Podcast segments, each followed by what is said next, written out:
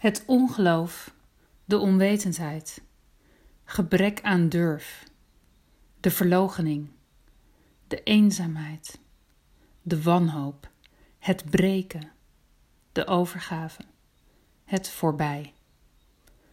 Dit is het paasverhaal. En als ik deze termen zo opnoem, lijkt het wel mijn eigen verhaal van afgelopen jaar. En misschien ook wel het verhaal van velen. Velen van ons die door een heftige crisis gaan, persoonlijk of met ziekte. Mensen die veel kwijtraken of geconfronteerd worden met de dood. dank gaat het niet echt gepaard met zo'n gruwelijke lichamelijke marteling en worden wij niet aan kruisen getimmerd. Het is een metaforisch verhaal over loslaten, vertrouwen, toelaten, transformatie, verdieping, inzicht. Het is een verhaal wat de laatste jaren steeds confronterender bij me binnenkomt.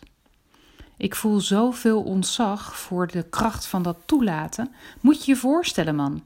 Je weet wat er gaat gebeuren en je weet waar je op afstevend. En je hebt het lef om niet weg te lopen. Hoe groot moet je zijn? Hoe bereid, hoe vol van waarheid, vol van vertrouwen, hoe toegewijd. De enige gepaste reactie die ik kan voelen is ontzag. Het laatste jaar is het me weer opgevallen hoe dicht pijn en liefde bij elkaar liggen. Dat is bijzonder. Liefde is offervaardig. En ik heb zitten denken: misschien verbrandt liefde uiteindelijk wel je ego.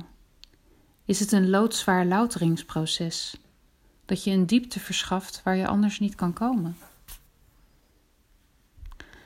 Jezus gaat in dit paasverhaal door een diep dal.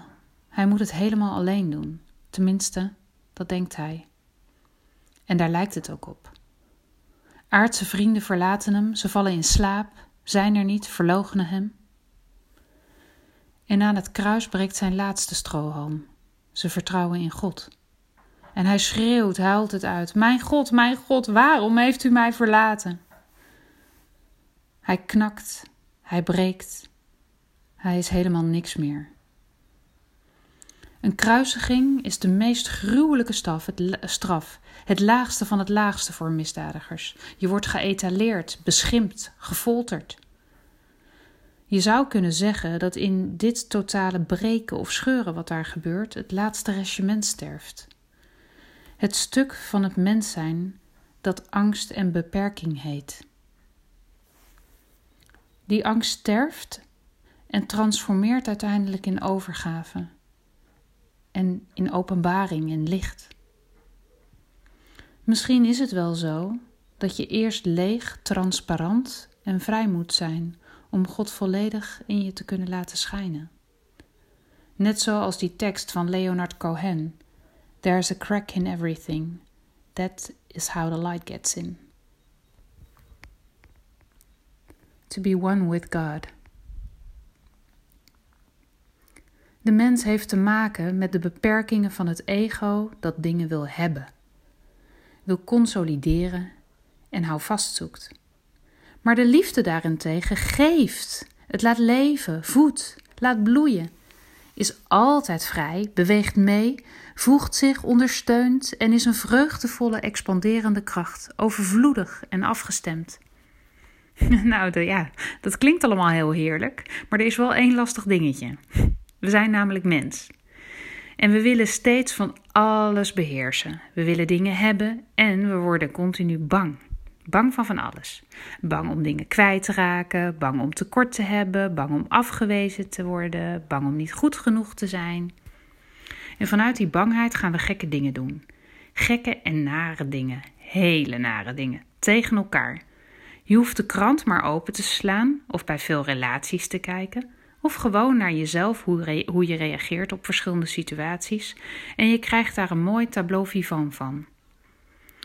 En dat rare gedrag van ons creëert juist pijn, verdriet, afstand en eenzaamheid. Het is een soort self-fulfilling prophecy. Dom toch eigenlijk?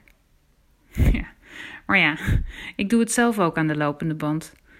Ik oefen wel trouw hoor en toegewijd, maar ik ben er nog lang niet. ik kletter ook steeds weer in die valkuil van angst, begeerte en van hechting en verzet. Ik zie het gebeuren, maar ik heb er in 90% van de gevallen nog geen of weinig of helemaal geen grip op. Dus zoals een leraar ooit tegen me zei: vooral blijven oefenen en vergeet vooral niet ervan te genieten. Ja, dat is uh, heel leuk, maar zo makkelijk uh, voelt het vaak niet.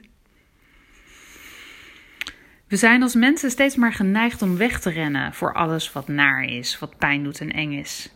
Maar als er nou iets is wat al die wijsheidstradities ons leren, dan is het wel dat we juist niet weg moeten rennen, maar er naartoe moeten bewegen om het te kunnen transformeren en ontmantelen. Ja, en doe dat maar eens. Dat is echt heel moeilijk.